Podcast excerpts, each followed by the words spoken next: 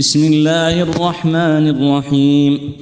والشمس وضحاها والقمر إذا تلاها والنهار إذا جلاها والليل إذا يغشاها والسماء وما بناها والأرض وما طحاها ونفس وما سواها فألهمها فجورها وتقواها قد أفلح من زكاها وقد خاب من دساها كذبت ثمود بطغواها إذ انبعث أشقاها فقال لهم رسول الله ناقة الله وسقياها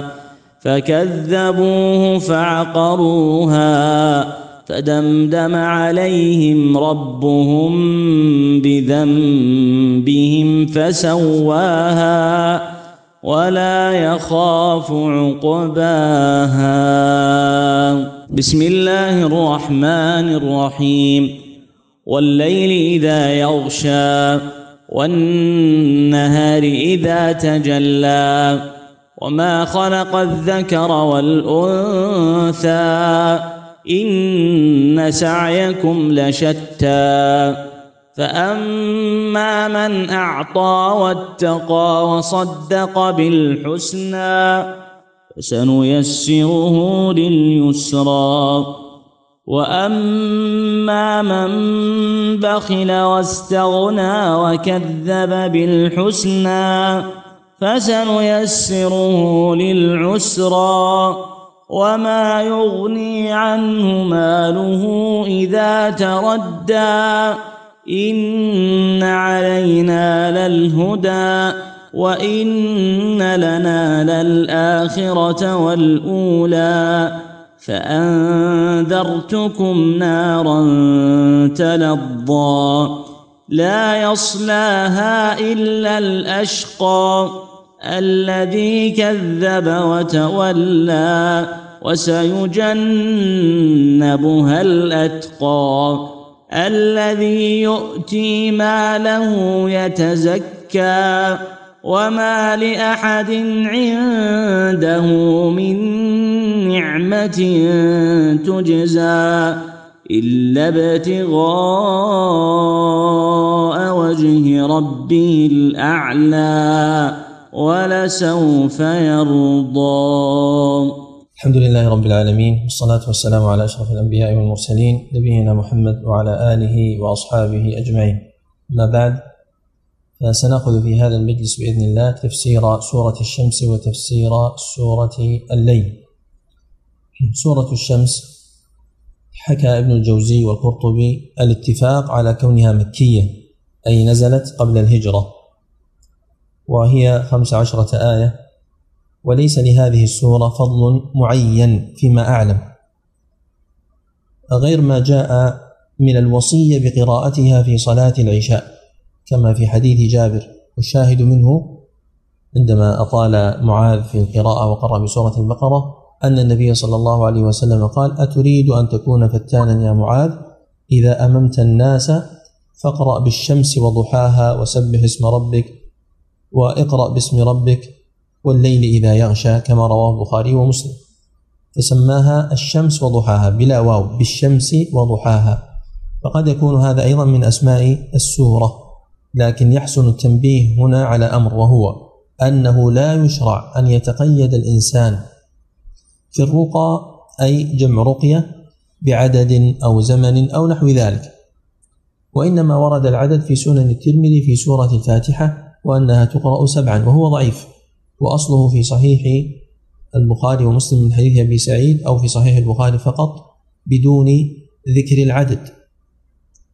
وروى أبو بكر المروذي في أخبار الشيوخ وأخلاقهم في صفحة 176 قراءة سورة الشمس والليل سبعا بهيئة معينة إذا دهم أمر للإنسان وأن يفعل ذلك وترا وأن يفعل ذلك وترا ثلاثا أو خمسا أو سبعا في ليلة وأنه سيرى المخرج في المنام. نقول في هذا وإن كان الأصل في الرقى الإباحة. لكن مثل هذا يفتح باب الابتداع. وقد رأينا في زماننا من يحدث ألوانا وأصنافا. تريد أن ترى علاج من كذا تريد أن تعرف من سحرك تريد أن تعرف من عانك. اقرأ سورة كذا كذا مرة وتستيقظ في ساعة معينة من الليل وتتوضأ وتفعل وتدعو. نقول لماذا كل هذا؟ ما الحاجة إلى هذا؟ الإنسان يريد الشفاء والعافية فقط فعليه أن يقرأ. كما سبق في سورة الإسراء. يقرأ من القرآن وننزل من القرآن ما هو شفاء ورحمة للمؤمنين ولا يزيد الظالمين إلا خسارة. أما أن تجعل آية كذا لفعل كذا وبهيئة كذا فهذا وإن كان هذا من أقدم ما وقفت عليه ما رواه أبو بكر المروذي لكن ليس هذا من باب إقراره ولكن من باب إنكاره. فالإنسان يقرأ بلا تقيد. قال تعالى بسم الله الرحمن الرحيم والشمس وضحاها. أقسم الله عز وجل أحد عشر قسما ابتدأها بالشمس. أقسم بالشمس وأقسم بالضحى لأن الضحى فيه قولان القول الأول أنه أول النهار والقول الثاني أنه النهار كله كما قال قتادة. فلماذا يضاف الضحى للشمس؟ الجواب لأن الشمس تكون في الضحى. والضحى يحصل بطلوع الشمس فبينهما ارتباط واضح. فبالضحى آه، نرى الشمس وتأتي حرارتها ويأتي ضوءها ونفعها للناس. والضحى كما تعلمون هي سورة ستأتي إن شاء الله قريبا.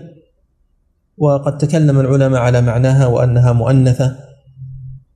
ومنهم من ذهب إلى غير ذلك.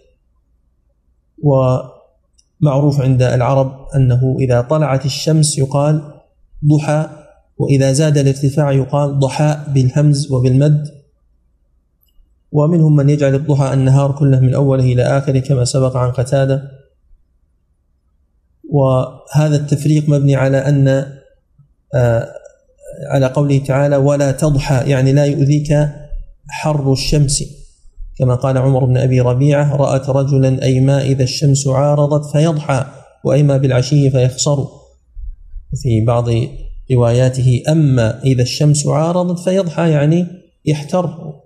وأما بالعشي فيخسر يعني يبرد كسائر الناس والأشياء. ومنه أيضا الضح الذي هو نور الشمس ونقيض الظل. فأقسم الله عز وجل بالشمس وأقسم بالضحى وسيأتي قسم خاص بالضحى في آية مستقلة في أول سورة الضحى. ثم أقسم قسما ثالثا فقال والقمر إذا تلاها. هذه الآية فيها قسم واحد وهو القسم بالقمر في هيئة معينة وبقيد وهو إذا تلاها. تلا ماذا؟ تلا الشمس أو تلا الضحى. وما معنى تلاها؟ أي تبعها وجاء وراءها. وهذا هو المشهور والواضح. وإن كان الفر ذهب إلى أن تلاها بمعنى أخذ منها. والقسم الرابع قوله تعالى والنهار إذا جلاها. فأقسم سبحانه بالنهار. والضحى جزء من النهار كما سبق. ومعنى جلاها أي كشفها وأظهرها. الضمير في الهاء يرجع إلى أي شيء؟ فيه قولان. القول الأول أنه يرجع إلى الظلمة. جل الظلمة التي أتى بها القمر وجل الظلمة التي كانت وقت ظهور القمر. والقول الثاني جلاها أي جل الشمس وأظهرها وكشفها وأبرزها. وهذا ما اختاره أبو عبيدة معمر بن المثنى وابن تيمية في مجموع الفتاوى في المجلد السادس عشر. وهناك أقوال أخرى ليس فقط قولان. القول الثالث جل ما في الأرض من الأشياء وأظهرها بظهور النهار. والقول الرابع جل الدنيا. والقول الخامس جل الأرض. وهذه أقوال متقاربة. هي تؤول والله تعالى أعلم إلى معنى واحد. تؤول إلى معنى واحد. وقد يرجع الضمير إلى ما لم يتقدم له ذكر كما سبق في سورة صاد وفي سورة القيامة. القسم الخامس قال تعالى والليل إذا يغشاها. وقد أقسم الله عز وجل بالليل في غير ما آية وفي كثير منها يقترن بنفس المعنى كما في سورة الليل والليل إذا يغشى. والليل وما وسق يعني وما غطى واشتمل عليه. فيغشاها يعني يغطيها. فإما أن المراد يغطي الدنيا بالظلام وإما أن الليل يغطي الشمس كما قال تعالى وأغطش ليلها وأخرج ضحاها. القسم السادس والسابع والسماء وما بناها فهذان قسمان. السماء وما بناها فيه قولان الأول والسماء وبنيانها فتكون ما بناء على ذلك مصدرية. وهذا قد رده ابن تيمية ورجح أن المعنى رجح أقصد في هذا القول أن يكون التقدير والسماء وبناء الله إياها. وهذا ما اختاره المبرد. والقول الثاني وهو قول الجمهور واختاره الحسن ومجاهد والطبري وابن تيمية أن ما هذه موصولة وليست مصدرية. يعني والسماء ومن بناها والذي بناها وهو الله عز وجل. فيكون فيه إقسام بنفسه سبحانه وتعالى أقسم سبحانه بنفسه. قال الطبري والسماء ومن بناها يعني ومن خلقها. وبناؤه إياها تصييره إياها للأرض سقفا. وقد اختاره ابن تيمية وقال فإن القسم بالفاعل يتضمن الإقسام بفعله بخلاف الإقسام بمجرد الفعل. وأيضا فالأقسام التي في القرآن عامتها بالذوات الفاعلة وغير الفاعلة. وأطال الكلام في ذلك. إذا أقسم الله عز وجل بالسماء وأقسم بنفسه العلي سبحانه وتعالى بصفة كونه بناها. يعني لماذا لم تكن ومن بناها؟ جاءت وما بناها. للنظر إلى الوصف. فإن الوصف هنا مقصود. فإذا قصد الوصف أتي بما كما سبق في سورة النساء وسبق قريبا أيضا. والأرض وما طحاها. واحد اثنين ثلاثة أربعة خمسة ستة سبعة. هذا هو القسم الثامن والتاسع. أقسم الله عز وجل بهذه الأرض. وما طحاها يقال فيه ما سبق. القول الأول وطحوها والقول الثاني ومن طحاها. وما معنى طحاها؟ هو بمعنى دحاها. أي القول الأول بسطها ومدها. القول الثاني قول ابن عباس طحاها أي قسمها. قسمها وجعلها متمايزة. فيها البحار وفيها السهال وفيها الوديان وفيها الجبال. وإن كانت الجبال عليها وليست منها لكن منهم من جعلها منها. والقول الثالث أن طحاها بمعنى خلقها. كما قال الشاعر وما تدري جذيمة من طحاها ولا من ساكن العرش الرفيع قال الماوردي يحتمل أنه ما أخرج منها من نبات وعيون وكنوز لأنه حياة لما خلق عليها ويقول بعض العرب لا والقمر الطاحي أي المشرف المشرق المرتفع فهذه أقوال أخرى كما قال علقمة طحى بك قلب في الحسان طروب بعيد الشباب عصر حين مشيء أي ذهب بقلبك. إذا الخلاصة أنه أقسم سبحانه وتعالى بالأرض وبمن بسطها ومدها وسواها. القسم العاشر والحادي عشر ونفس وما سواها. أقسم الله عز وجل بالنفس وإذا أطلقت النفس فإنه يشمل الجسد والروح معا وقد يطلق النفس أحيانا على الروح لوحدها وهي أمر جدير بأن يقسم بها لما فيها من المعاني العظيمة والأسرار البديعة. يسألونك عن الروح قل الروح من أمر ربي وما أوتيت من العلم إلا قليلا. لذلك هذا من علم الغيب. مع كونه بين جنبيك هو من علم الغيب. لماذا؟ لأن الناس جهلوا حقيقتها فكانت محل العجب. فلا يستطيعون إدخالها في مختبراتهم ولا وضعها تحت مجاهرهم ولا معرفة كيفيتها ووزنها. تأتي بهذا الجسد الذي فيه الروح فتزنه. ثم إذا خرجت الروح يصبح وزنه أثقل. فما هذه الروح التي جعلته خفيفة؟ وعندهم في حساباتهم المادية أن المادة زائد المادة تكون أثقل من إحداهما لوحده والشيء مع غيره غيره لا هو مع غيره. وحينئذ الله عز وجل جعل هذه النفس سواء كانت هي الروح مع الجسد معا أو الروح معا مما عظمه بهذا الإقسام به. وما سواها أي وما عدلها. واختلف في المراد. فقيل كل نفس كما اختاره ابن عطية وقيل المراد آدم. الذي هو أبو البشرية. هذا أحد عشر قسما. أقسم سبحانه بصانع المخلوقات وأقسم بالمخلوقات العظيمة وآثارها. ليكون ذلك محلا للاعتبار والتأمل وتلاحظ أنه جاء بالإقسام بالنفس آخرا. لماذا؟ لأن آدم آخر المخلوقات وجودا. فهو مناسب للترتيب الوجودي. جاء في الحديث المعلول خلق الله عز وجل التربة يوم السبت وخلق فيها الجبال يوم الأحد إلى أن قال وبث فيها الدواب يوم الخميس وخلق آدم عليه السلام بعد العصر من يوم الجمعة في آخر الخلق في آخر ساعة من ساعات الجمعة فيما بين العصر إلى الليل كما رواه مسلم وأحمد. وعرفنا فيما سبق علته. وكونه خلق يوم الجمعة جاء في أحاديث صحيحة أخرى. وهذه الفائدة أشار إليها أبو العباس بن تيمية وهو القرن بين تأخر خلق آدم وبين تأخر الإقسام بالنفس.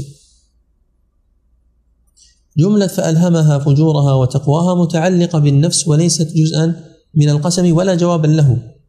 وإنما أخبر سبحانه وتعالى عن هذه النفس بخبر مهم. وهو فألهمها فجورها وتقواها. فيه قولان. القول الأول ألهمها أي عرفها وبين لها الخير والشر كما قال تعالى وهديناه النجدين في, في السورة السابقة. فهذه السور مرتبط بعضها ببعض. أخبر سبحانه في سورة الفجر عن معنى وهو ولا تحاضون على طعام المسكين ثم جاء أو إطعام في يوم ذي مصابة يتيما ذا مقربة أو مسكينا ذا متربة في سورة البلد. ثم تكرر هذا المعنى الذي ذكرناه في السورتين جميعا وسيأتي أيضا ارتباط فألهمها فجورها وتقواها في سورة الليل. فسنيسره لليسرى فسنيسره للعسرى. فهذا الإلهام هو هذا البيان. بيان طريق الخير وطريق الشر طريق الفجور وطريق التقوى. وطريق التقوى كما عن ابن عباس ومجاهد ومحمد بن كعب. وقتاده وغيرهم القول الثاني ما جاء عن ابن عباس أيضا ألهم المؤمن التقي تقواه وألهم الفاجر الغبي فجوره. كما قال ابن زيد جعل فيها فجورها وتقواها كما رواه الطبري عنه. إذا ما الفرق بين هذين القولين؟ الفرق بين القولين أن التعريف والبيان كما يكون بالفطرة والإلهام يكون أيضا بالرسالة والكتب المنزلة. أما القول الثاني فيتعين في الاحتمال الأول وأن هذا الإلهام هو الإلهام الفطري وأن الله عز وجل غرس وغرز في الإنسان إرادة بها يتوجه إلى ما قدر له سلفا فلم يجبره وإنما جبله. جبل المؤمن على أن يؤمن وجبل الفاجر على أن يفجر. ففي هذه الآية إثبات القدر وإثبات فعل العبد. إثبات القدر الله عز وجل هو الذي ألهمها لم تفعل شيئا. خلقته هي لم يكن لله به علم مسبق كما يقول المعتزلة وأمثالهم من القدرية. ولها إرادة لأنه قال فجورها وتقواها نسب الفعل إليها. فليس الأمر كما يقول الجبرية أجبرها وإنما هي فعلت بإرادتها ما قدره الله عز وجل عليها. وهناك حديث متعلق بهذه الآية في صحيح مسلم بإسناده إلى أبي الأسود الديلي وهو ظالم بن عمرو. قال قال لي عمران بن حسين رضي الله عنهما أرأيت ما يعمل الناس اليوم ويكدحون فيه؟ أشيء قضي عليهم ومضى عليهم من قدر سبق؟ أو فيما يستقبلون به مما أتاهم به نبيهم وثبتت الحجة عليهم؟ فقلت بل شيء قضي عليهم ومضى عليهم. قال فقال أفلا يكون ظلما؟ قال ففزعت من ذلك فزعا شديدا. وقلت كل شيء خلق الله وملك يده. فلا يسأل عما يفعل وهم يسألون. يعني أن هذا الشيء فيه إثبات للقدر وأنه مكتوب عليهم ومقدر. والله عز وجل يفعل ما يشاء لكن بعدل وحكمة وليس بإجبار. قال فقال لي يرحمك الله إني لم أرد بمسألتك إلا لأحزر عقلك. إن رجلين من مزينة أتيا رسول الله صلى الله عليه وسلم؟ فقالا يا رسول الله أرأيت ما يعمل الناس اليوم ويكدحون فيه؟ أشيء قضي عليهم ومضى فيهم من قدر قد سبق؟ أو فيما يستقبلون به مما أتاهم به نبيهم؟ يستقبلون ويستقبلون وثبتت الحجة عليهم. فقال لا بل شيء قضي عليهم ومضى فيهم. وتصديق ذلك في كتاب الله عز وجل ونفس وما سواها فألهمها فجورها وتقواها. إذا الفجور والعصيان والتمرد والتقوى العمل الصالح والانقياد والإيمان. ثم جاء الآن جواب القسم. شيء يقسم عليه بأحد عشر قسما هو أمر عظيم وشأن جسيم. والله عز وجل صادق مصدق. ومن أصدق من الله قيلا ومن أصدق من الله حديثا. وإنما في هذا الإقسام التنويه بعظمة هذا الشيء المقسم عليه. وبعظمة ما أقسم به سبحانه وتعالى. وهذا يذكرنا بأن كل نفس منفوسة ألا يدخل في ذلك نفس الكافر ونفس الفاجر وربنا سبحانه وتعالى عظيم لا يقسم إلا بعظيم. الجواب بلى وهذا مما يرجح أن يكون المقسم به آدم. جواب القسم قد أفلح من زكاها وقد خاب من دساها. قد أفلح وفاز ونجا وفلج من زكى نفسه ومن زكى الله عز وجل. قد أفلح من نمى الله نفسه فكثرها بتطهيرها من الكفر والمعاصي وأصلحها بالصالحات من الأعمال كما قال الطبري في تفسيره. وهنا وقفة. هذه الآية فيها أهمية تزكية النفس.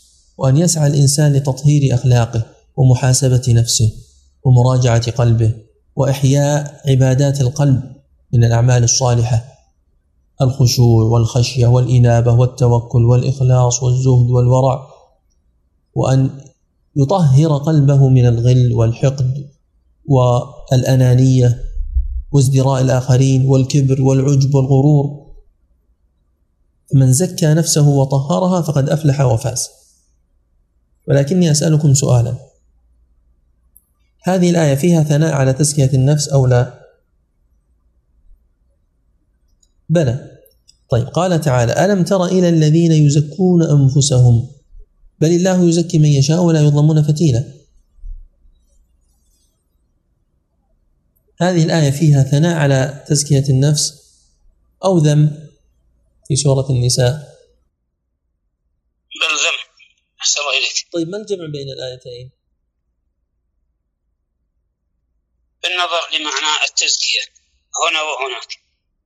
إذا أن المعنى يحدد السياق والله أعلم. ما هو المعنى إذن؟ أنا جبت الأول. تفضل. نعم. الأول المحاسبة. المحاسبة للنفس. نعم. هو اضطرها على طاعة الله وترك معصية الله. والثاني والله أعلم أن الإنسان لا يزكي نفسه ويحكم لها بالحسن مقدما والله أعلم. أحسن. طيب قوله تعالى فلا تزكوا أنفسكم هو أعلم بمن اتقى. يلحق بأيهما؟ آية النساء. نعم بالثانية التي هي آية النساء. إذا فرق بين الأمرين كما اتضح مما سبق.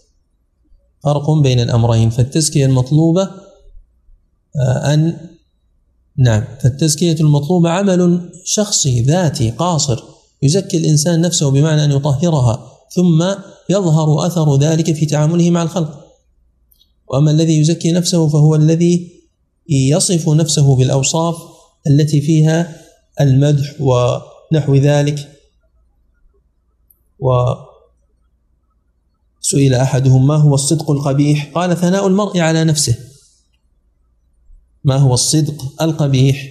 قال ثناء المرء على نفسه. يعني قد يثني على نفسه بأمر حسن لكنه يقبح ذلك. أن يقول يقال فلان يعني يزكي نفسه ويفضل نفسه. الشطر الثاني وقد خاب من دساها. أي قد خسر من أخفى نفسه بالكفر وبالبدعة وبالفسق وبالمعاصي. فهذا يدس نفسه بمعنى يخفيها وبمعنى ينقصها بهذه الأمور. لأن أصل الزكاة النمو والزيادة وأصل التدسية هو الإخفاء. فهو يخفي نفسه بهذه المعاصي التي يرتكبها. قال أهل اللغة الأصل دسسها من التدسيس وهو إخفاء الشيء في الشيء.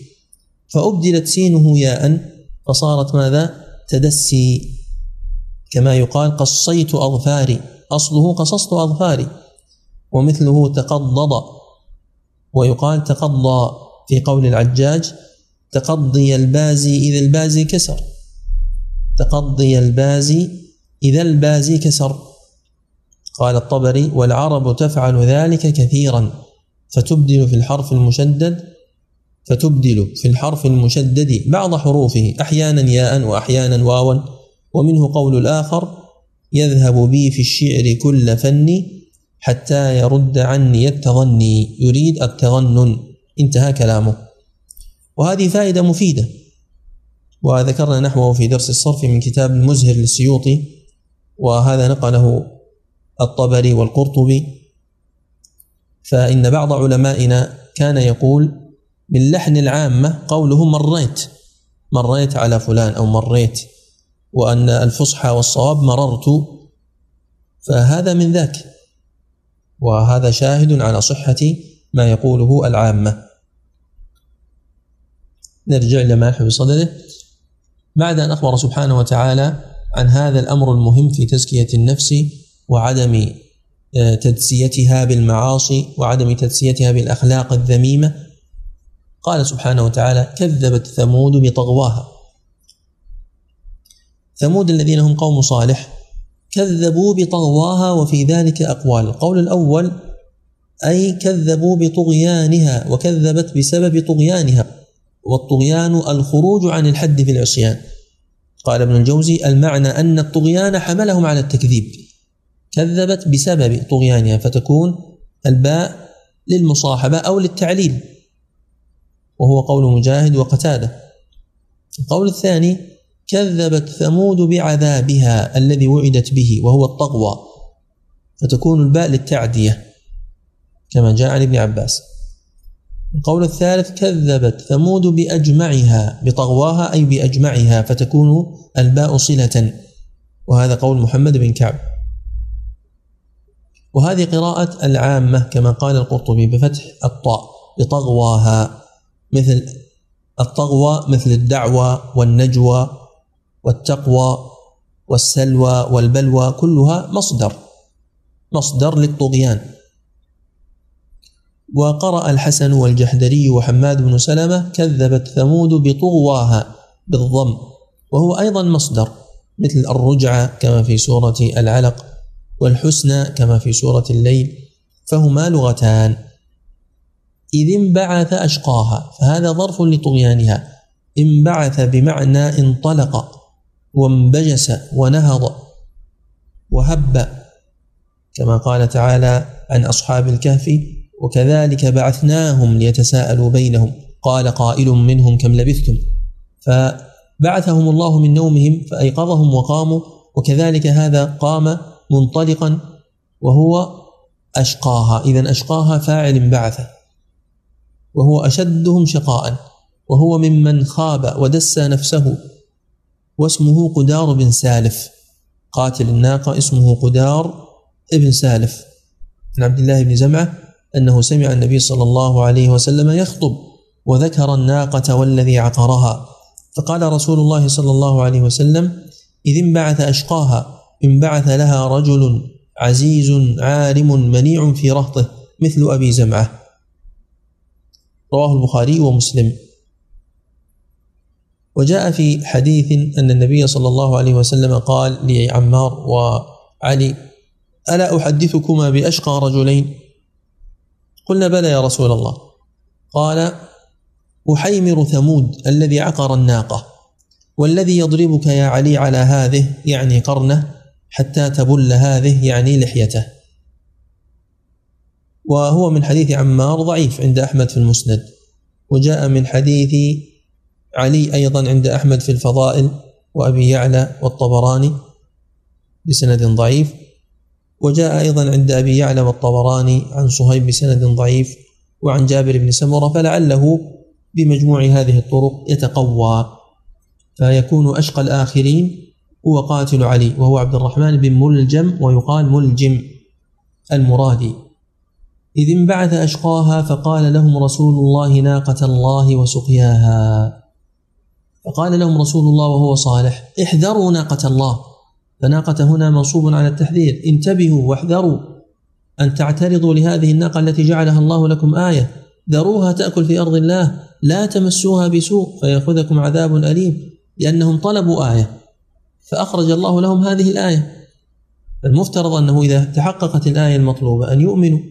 لكنهم كفروا وكذبوا صالحا ولم يكتفوا بذلك حتى عقروها.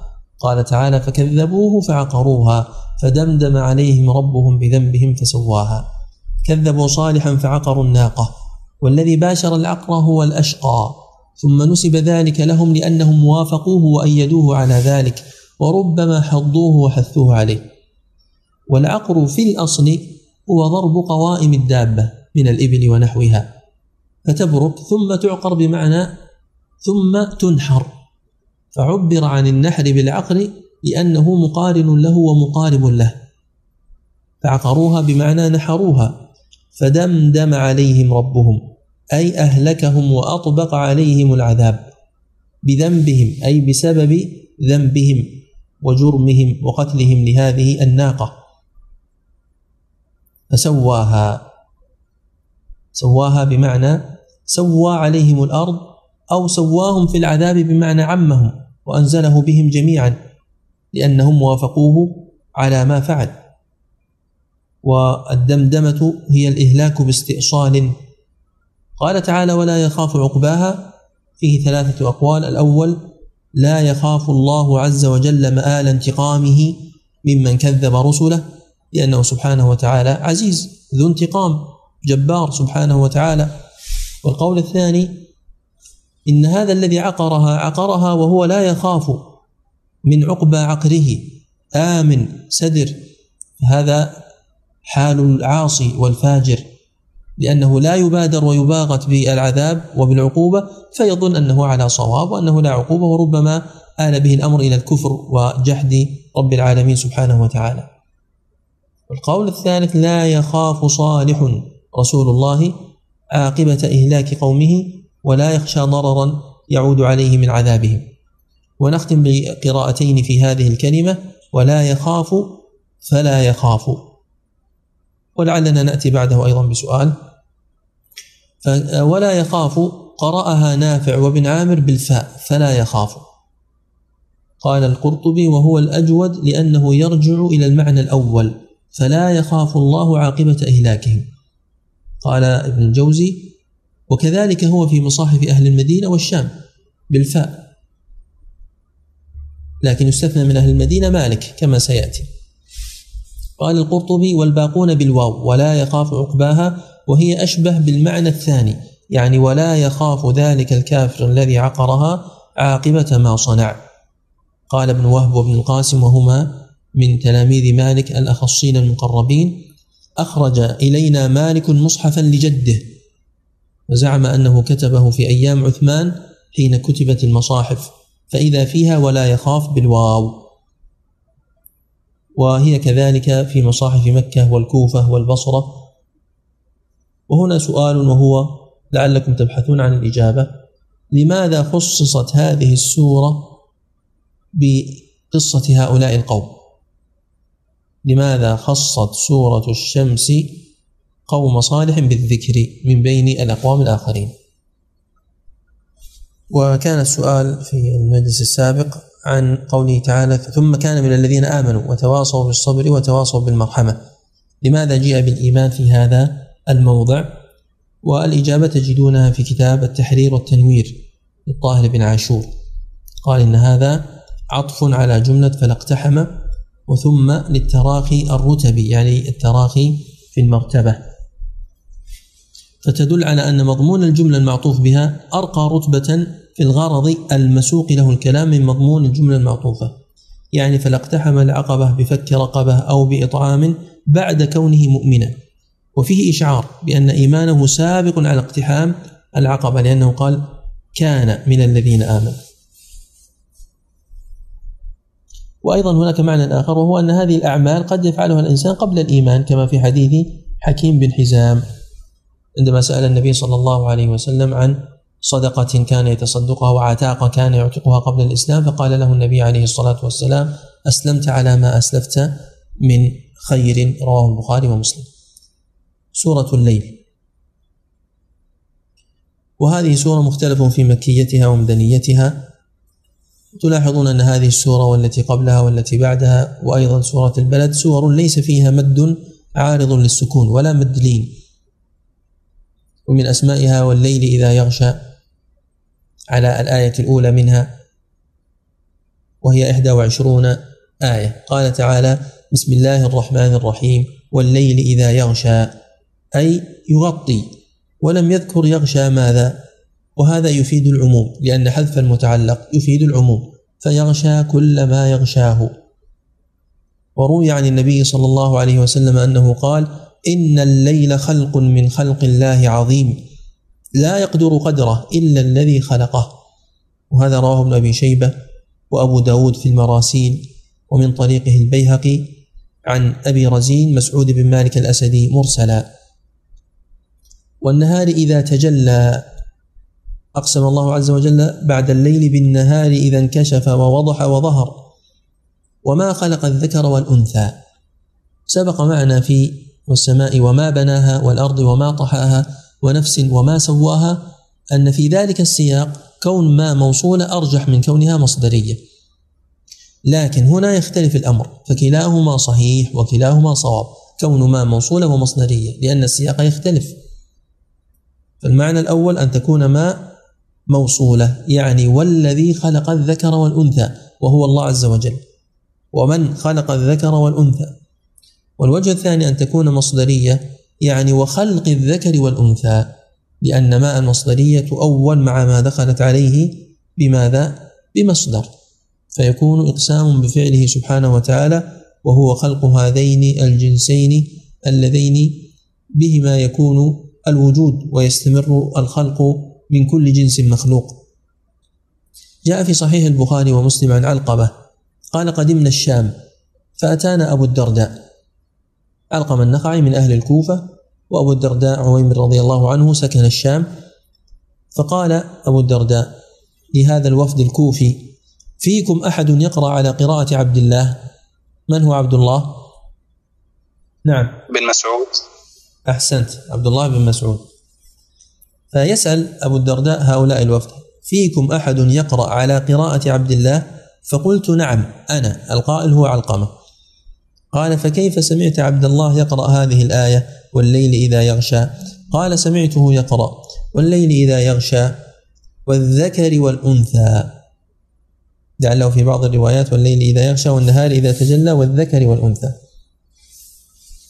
قال أنا والله هكذا سمعت رسول الله صلى الله عليه وسلم يقرأها وهؤلاء يريدونني أن أقرأ وما خلق فلا أتابعهم. هذا الحديث المتفق عليه.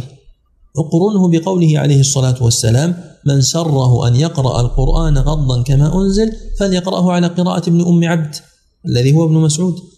كما رواه ابن ماجه وأحمد وابن أبي شيبة وهو حديث صحيح.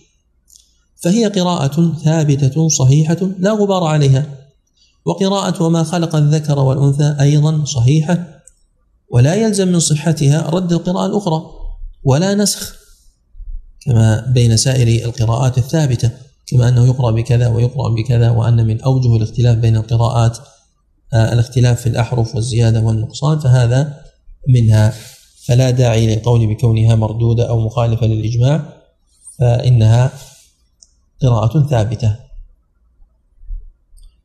قيل في المراد بالذكر والأنثى آدم وحواء وقيل على ما سبق مطلق الجنس وقيل أيضا أن المراد الآدميين دون البهائم. الآدميين دون البهائم. والترجيح بين هذا قد سبق مرارا. ما هو المقسم عليه؟ بعد أن ذكر هذه الأقسام الثلاثة أقسم على قوله تعالى إن سعيكم لشتى أي إن عملكم لمختلف.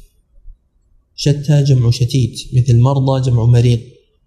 والمعنى مختلف ومتباعد كما قال تعالى مبينا تباين السعيين من كان يريد العاجلة. عجلنا له فيها ما نشاء لمن نريد ثم جعلنا له جهنم يصلاها مذموما مدحورا. ومن أراد الآخرة وسعى لها سعيها وهو مؤمن فأولئك كان سعيهم مشكورا. وهذا السعي سوف يظهر يوم القيامة. قال تعالى وأن ليس للإنسان إلا ما سعى وأن سعيه سوف يرى. وسوف يتذكره الإنسان إذا رآه. كما قال تعالى يوم يتذكر الإنسان ما سعى. إذا الناس يتفاوتون ولأجل تفاوتهم في العمل كان تفاوتهم في الجزاء. قال تعالى مبينا هذا التفاوت أيضا في هذه السورة بالفاء التي تسمى التفريعية إذا تقرر ما سبق فأما من أعطى واتقى وهي الداخلة في جواب شرط مقدر. فأما من أعطى يعني أعطى الطواعية وسلم نفسه أو أعطى المال وبذله وأنفقه واتقى أي اتقى الله عز وجل أو اتقى محارمه أن يقع فيها أو اتقى البخل كله داخل في اتقى وصدق بالحسنى في الحسنى ستة أقوال وهي متقاربة متلازمة. كما ذكرها جميعا ابن الجوزي في زاد المسير وذكر بعضها الطبري وذكر أغلبها خمسة منها القرطبي وغيرهم من أهل العلم. فالقول الأول أن المراد بالحسنى الخلف أن الحسنى أن الله عز وجل يخلفه على ما أعطى وعلى ما أنفق وبذل.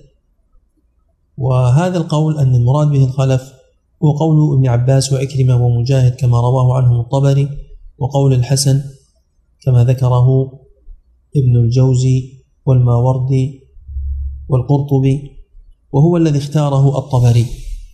ودليل ذلك هو أن في الصحيحين أن النبي صلى الله عليه وسلم قال ما من يوم يصبح العباد فيه إلا وملكان ينزلان فيقول أحدهما اللهم أعط منفقا خلفا ويقول الآخر اللهم أعط ممسكا تلفا فالإنسان يصدق بأن الله عز وجل يخلف وما أنفقتم من شيء فهو يخلفه.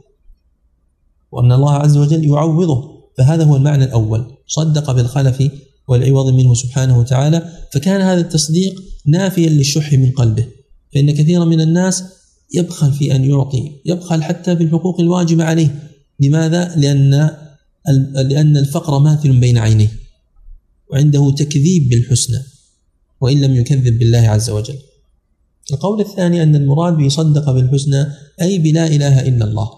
فإنه لا يكفي قوله حتى يوقن بها أيقن بالحسنى أيقن بالخلف أيقن بالتوحيد.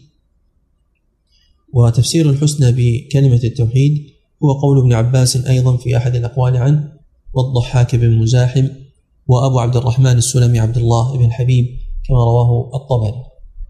قول الثالث صدق بالحسنى أي بالجنة كما قال تعالى للذين أحسنوا الحسنى وزيادة أي الجنة.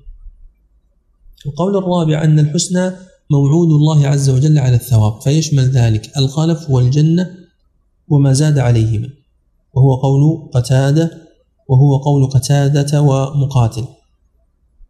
والخامس أن الحسنى نعم الله كما قاله عطاء وذكره عنه صاحب زاد المسير والسادس صدق بالحسنى أي بالواجبات التي عليه.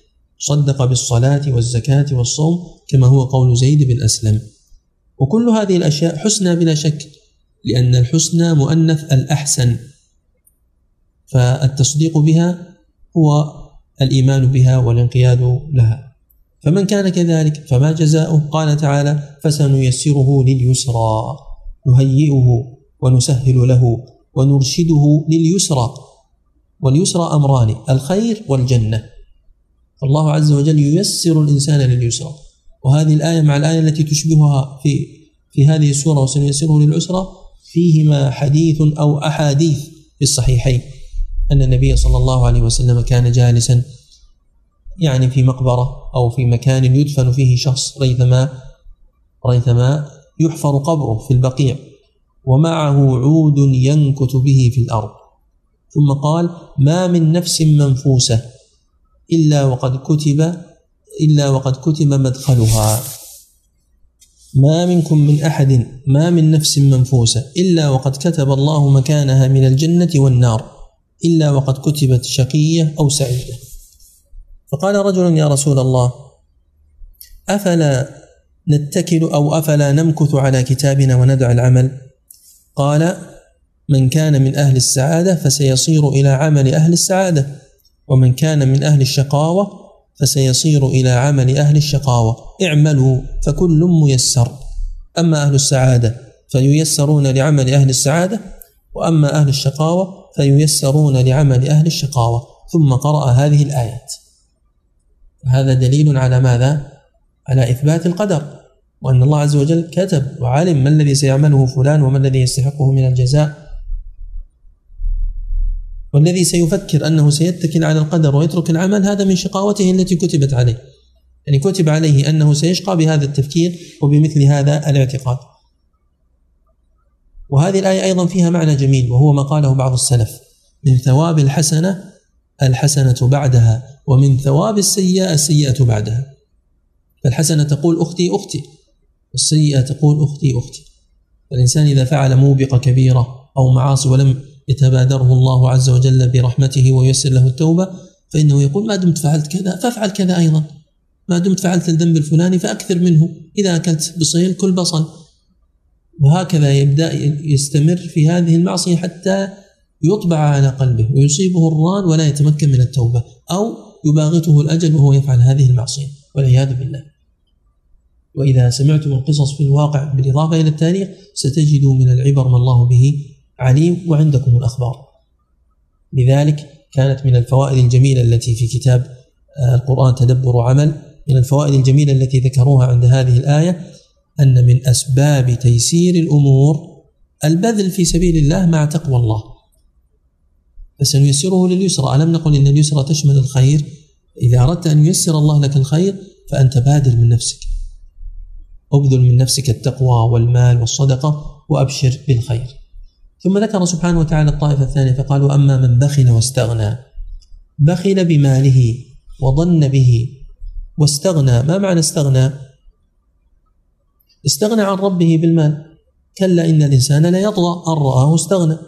إن إلى ربك الرجع ورأى نفسه غنيا واستعظم واكتفى بما عنده من الدنيا. ولم يكتف بذلك فقط وإنما وكذب بالحسنى. يعني من حيث العمل أضاف إلى استغنائه وإلى بخله التكذيب بالحسنى على الخلاف الذي سبق في معناه. كذب بالخلف كذب بلا إله إلا الله كذب بموعود الله عز وجل كذب بالأعمال الصالحة فلم يفعلها من الصلاة والزكاة والصوم كذب بماذا أيضا؟ كذب بنعمه سبحانه وتعالى ولم يشكرها كذب بالجنة ولم يؤمن بها فكان جزاؤه فسنيسره للعسرى أي للشر وللنار والعياذ بالله. وهذا التيسير إنما هو إنما هو التسهيل. قال الفراء يقول القائل كيف قال فسنيسره للعسرى؟ هل في العسرى تيسير؟ هذا سؤال لكم. يعني نيسره لليسرى واضحة ومنسجمة لكن العسرى لماذا لم تكن سنعسره؟ كيف يكون نيسره للعسرى؟ الجواب تبحثون أو نجاوب. يا شيخ سر إليك. إيه. لعل التيسير العسرى أقرب. كما في الحديث حفت الجنة المكاره وحفت النار بالشهوات إضافة إلى طاعة للنفس وطاعة للشيطان. إضافة إلى أنه ترك التكليف. والواجبات والله أعلم. أيوة يعني أن الفعل الذي يقوده إلى العسرى يسير على النفس ميسر عليه مهيأ له. كما ذكرت هذا معنى جميل أحسنت بارك الله فيك. إذا إذا فهمت أن معنى سنيسره يعني سنهيئه فحينئذ يكون المعنيين واضحا. يعني نهيئه ونسهل له هذا الأمر لأنه هو الذي بدأ بالبخل والاستغناء والتكذيب. وقد أجاب الفر بجواب مقارب لهذا. وهو أن هذا مثل قوله تعالى فبشرهم بعذاب أليم. الأصل في البشارة في أن تكون في الخبر السار والمفرح واستعملت هنا من باب التهكم به.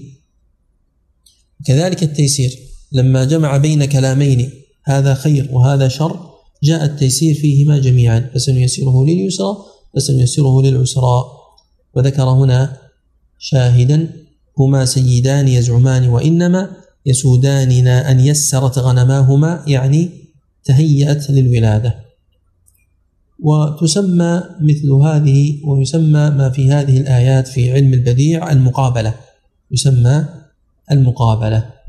قال تعالى وما يغني عنه ماله إذا تردى. يعني وما ينفعه وما يدفع عنه هذا المال الذي بخل به واستغنى وجمعه وكثره إذا تردى.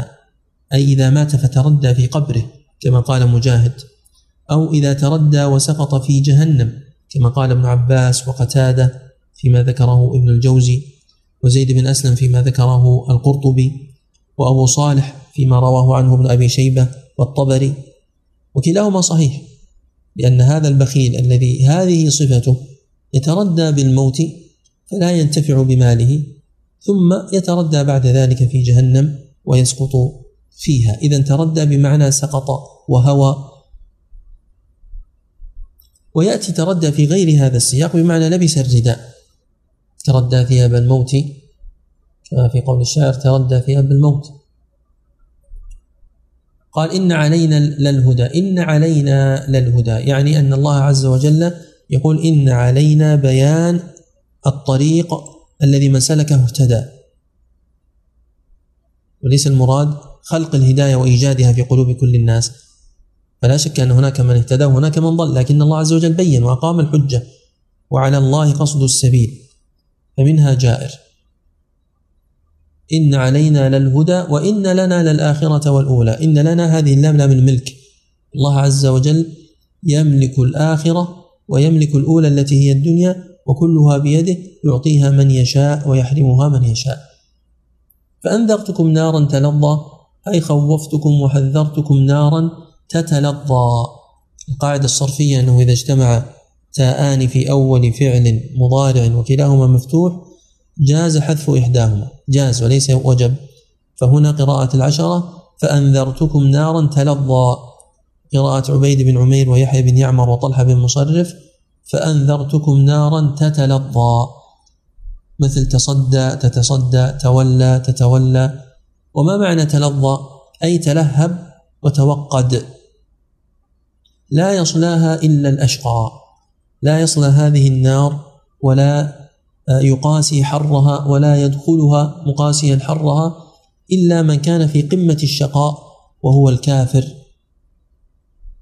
العنيد الذي كذب وتولى. كذب به النبي صلى الله عليه وسلم وتولى أي أعرض ولم يمتثل الأوامر. قال سلم بن الحسن سمعت أبا إسحاق الزجاج يقول هذه الآية التي من أجلها قال أهل الإرجاء بالإرجاء. فزعموا أنه لا يدخل النار إلا كافر لقوله جل ثناؤه لا يصلاها إلا الأشقى الذي كذب وتولى. وبناء عليه فكل مؤمن مهما كانت معصيته فهو لن يدخل النار. لماذا؟ لأن الآية حصرت من يدخلها في الأشقى. فالمؤمنون كلهم إيمانهم واحد والأعمال لا أثر لها في الإيمان وأصل الإرجاء هو تأخير العمل عن الإيمان وهم يتفقون بجميع طوائفهم الثنتي عشر التي حكاها أبو الحسن الأشعري في مقالات الإسلاميين يتفقون في معنى وهو تأخير العمل عن حقيقة الإيمان وأنه لا أثر له. ومن الأقوال العجيبة التي حكاها في ذلك أن منهم من قال إن الإيمان يزيد ولا ينقص. ونتمنى والله لو كان الأمر كذلك نحب أن يكون الإيمان يزيد ولا ينقص. لكن الحق أن الإيمان يزيد وينقص وأن ما زاد نقص. ما رأيت من ناقصات عقل ودين. وكل الآيات التي فيها زيادة الإيمان معناها أنه كان ناقصا فزاد. وقد نطق الإمام مالك بحرف الزيادة والنقصان كما عند اللالكائي. المهم أن الزجاج يقول وليس الأمر كما ظنوا. هذه نار موصوفة بعينها لا يصلى هذه النار إلا الذي كذب وتولى. ولأهل النار منازل. فمنها أن المنافقين في الدرك الأسفل من النار. والله سبحانه كل ما وعد عليه بجنس من العذاب فجائز أن يعذب به. أي بالنار. وقال جل ثناؤه إن الله لا يغفر أن يشرك به ويغفر ما دون ذلك لمن يشاء.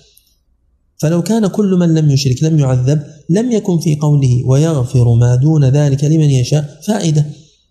وكان يغفر ما دون ذلك كلاما لا معنى له. لأنه قد يشاء أن لا يغفر فيعذب هذا الذي أراد أن لا يغفر له من أهل التوحيد يعذبه في النار ما شاء. طبعا هذا لو أراد أن يقصر الجواب على النظر في هذه الآية وإلا فالأحاديث التي ترد عليهم بالإضافة إلى الآيات كثيرة متواترة.